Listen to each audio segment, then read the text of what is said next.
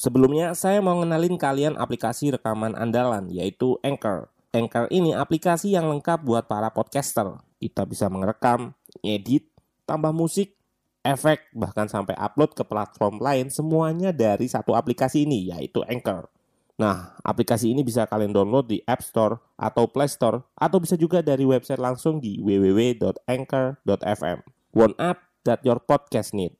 Oh ya, Anchor ini gratis, free transfer.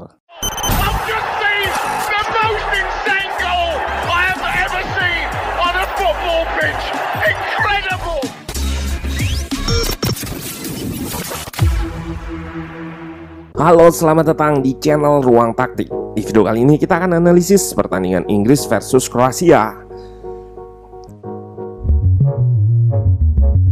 Kali ini Inggris berhasil membalaskan kekalahan di Piala Dunia lalu dengan skor tipis 1-0. The Three Lions turun dengan double fullback kanan yaitu Walker dan Trippier yang ditempatkan di sisi kiri. Lalu ada Calvin Phillips di lini tengah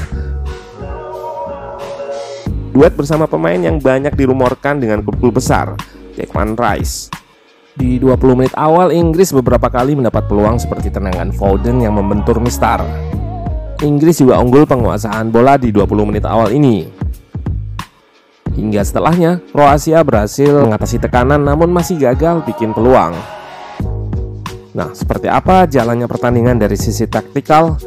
Let's go, kita bahas sama-sama.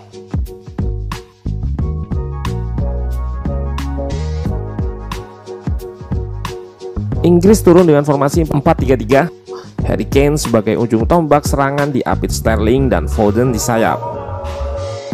Mason Mount diberi lisensi untuk roaming atau bergerak bebas, seringnya ke sayap kiri.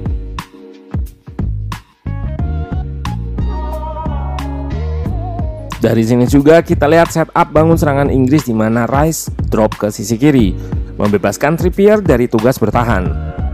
Ini membuat sayap kiri Inggris akan dihuni banyak pemain.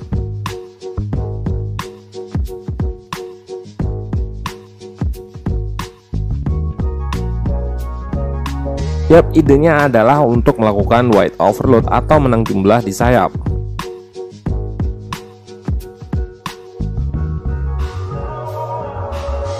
Karena banyak pemain di sayap, pertahanan lawan dipaksa bergeser, lalu akan dilakukan switch ke sayap kanan.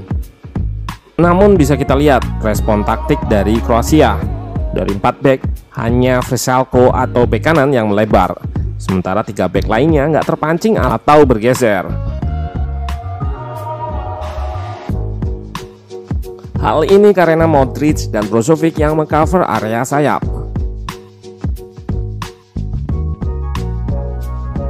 Untuk itu, sistem bertahan ini juga menimbulkan celah, terutama di depan back.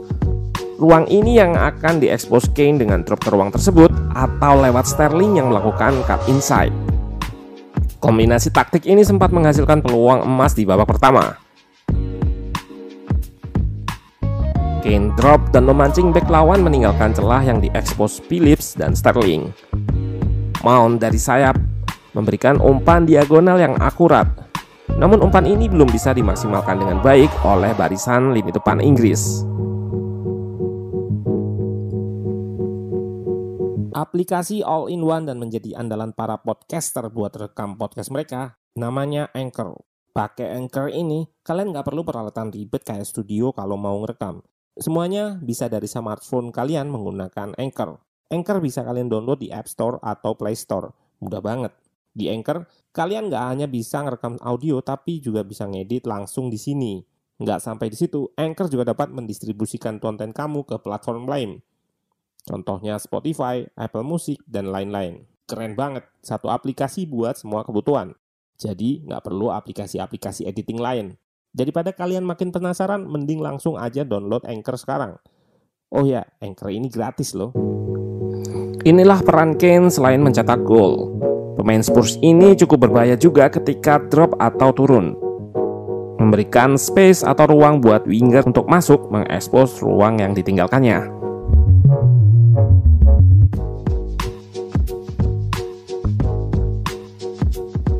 Pendekatan Southgate di game ini tetap dengan game plan awal, memainkan bola di kiri lalu pindah ke kanan. Menunggu pertahanan Kroasia disorganisasi seperti di gol satu-satunya ini. Kita lihat awalnya dari build up Inggris ke sayap kiri, memancing banyak pemain ke sisi ini, lalu disirkulasikan ke kanan lewat back atau belakang.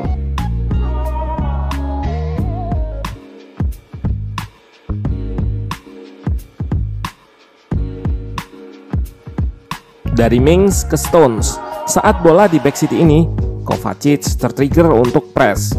Phillips mengincar ruang di belakang dia dan Perisic kita bisa lihat juga ada Sterling yang sudah bergerak ke tengah. Lewat umpan Jitu Walker, Phillips lepas.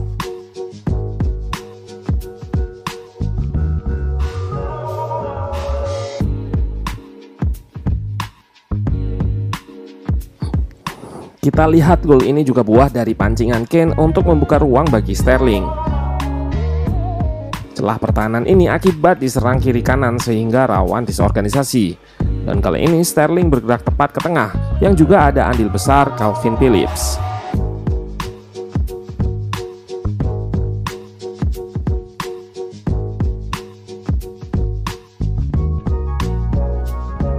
Selain mencetak assist, pemain Leeds United ini bermain dengan baik, terutama saat membantu melakukan high pressing.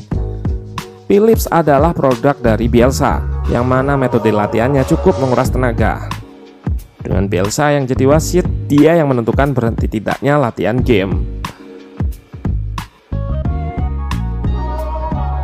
Hal inilah yang membuat Phillips di match ini juga mengcover area yang paling luas di antara pemain-pemain lain.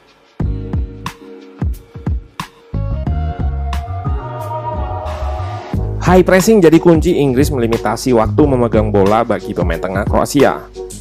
Terutama di 20 menit awal, meski selanjutnya pressing bloknya turun karena Modric diplot lebih ke belakang. Di babak kedua, Inggris mulai merebut penguasaan bola kembali. Southgate juga memasukkan pemain-pemain muda yang cepat untuk menyerang saat transisi.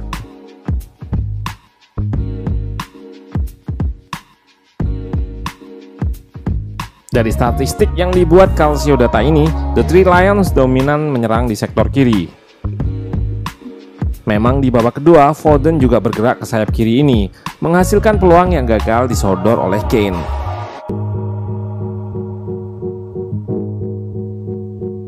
So far, pertandingan yang baik diselesaikan oleh Southgate, namun tentu jalannya masih panjang. Sering ujian datang dari tim-tim kecil yang bertahan solid di belakang.